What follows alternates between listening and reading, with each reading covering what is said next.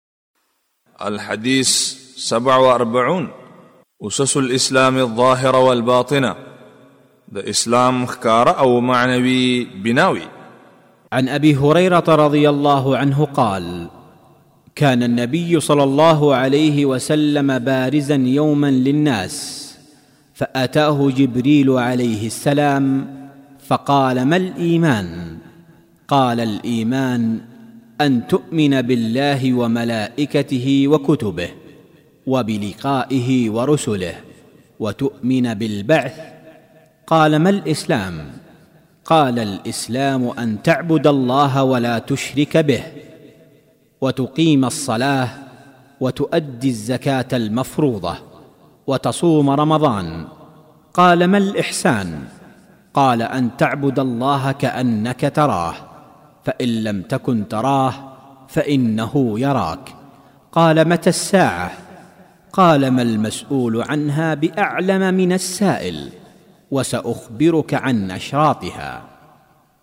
اذا ولدت الامه ربها واذا تطاول رعاه الابل البهم في البنيان في خمس لا يعلمهن الا الله ثم تلا النبي صلى الله عليه وسلم ان الله عنده علم الساعه ثم ادبر فقال ردوه فلم يروا شيئا فقال هذا جبريل جاء يعلم الناس دينهم د ابو هريره رضی الله عنه څخه روایت دی فرمای چې ورځ نبی کریم صلی الله علیه وسلم د خلکو په خوا کې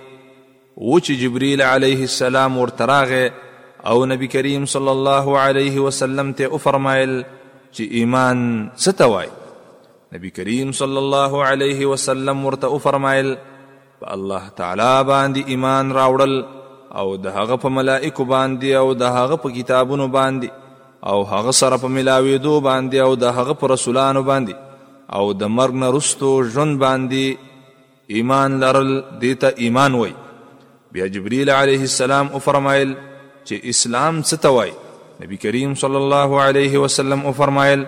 چې په اخلاص سره یوازې د الله تعالی عبادت او بندگی کول او د هغه سره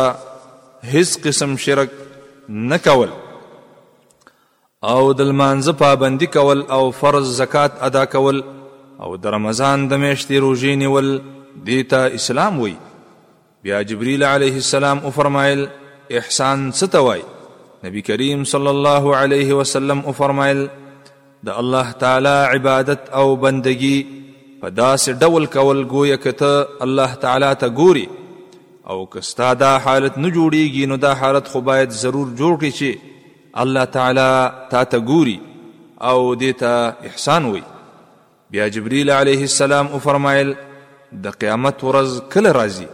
نبی کریم صلی الله علیه وسلم وفرمایل نه دی تپوس کړی شوی د قیامت په باره کې ډیر پوهه د سوال کوونکي نه خو د قیامت د ورځې علامات به درته بیان کړم کله چې وزیږوي وینځه خپله سیده او کله چې د تورو اوښانو چوپانان په آبادۍ کولو کې سیلي شروع کړي پنځه کارونه دي چې په هغې باندې د الله تعالی نه بغیر هیڅوک نه پوهیږي او بیا نبی کریم صلی الله علیه وسلم د قرآن کریم دا آیات تلاوت کړه ان الله عنده علم الساعه یقینا یوازې د الله تعالی سره علم د قیامت دی بیا سوال کوونکی روان شو نبی کریم صلی الله علیه وسلم او فرمایل چې سوال کوونکی راواپس کړئ نو هغه یې ونه مومو نبی کریم صلی الله علیه وسلم او فرمایل دا جبرئیل علیه السلام وو د دې لپاره راغلی او چې خلکو ته د هغوی دین وروښایي د دې حدیث د راوي پېژندنه مخکې په دیارلسم نمبر حدیث کې ذکر شوې ده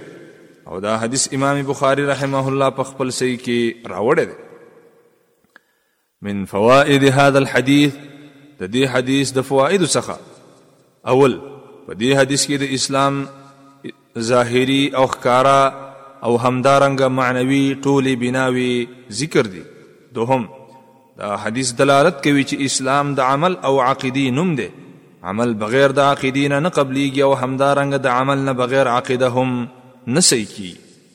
ځکه چې اسلام د عقیدي او د عمل دواړو نوم دی او همدارنګه اسلام ټول نیک اعمالو ته شاملیږي ځکه چې نیک اعمال د هغې ایمان او تصدیق نه پیدا کیږي کوم چې د بنده په زړه کې موجود وي دریم د دې حدیث نه واضح دا معلومیږي چې ایمان مرکب دی د تصدیق کولو نه په زړه کې او د قول نه په ژبه باندې او د عمل کولو نه په اندامونو باندې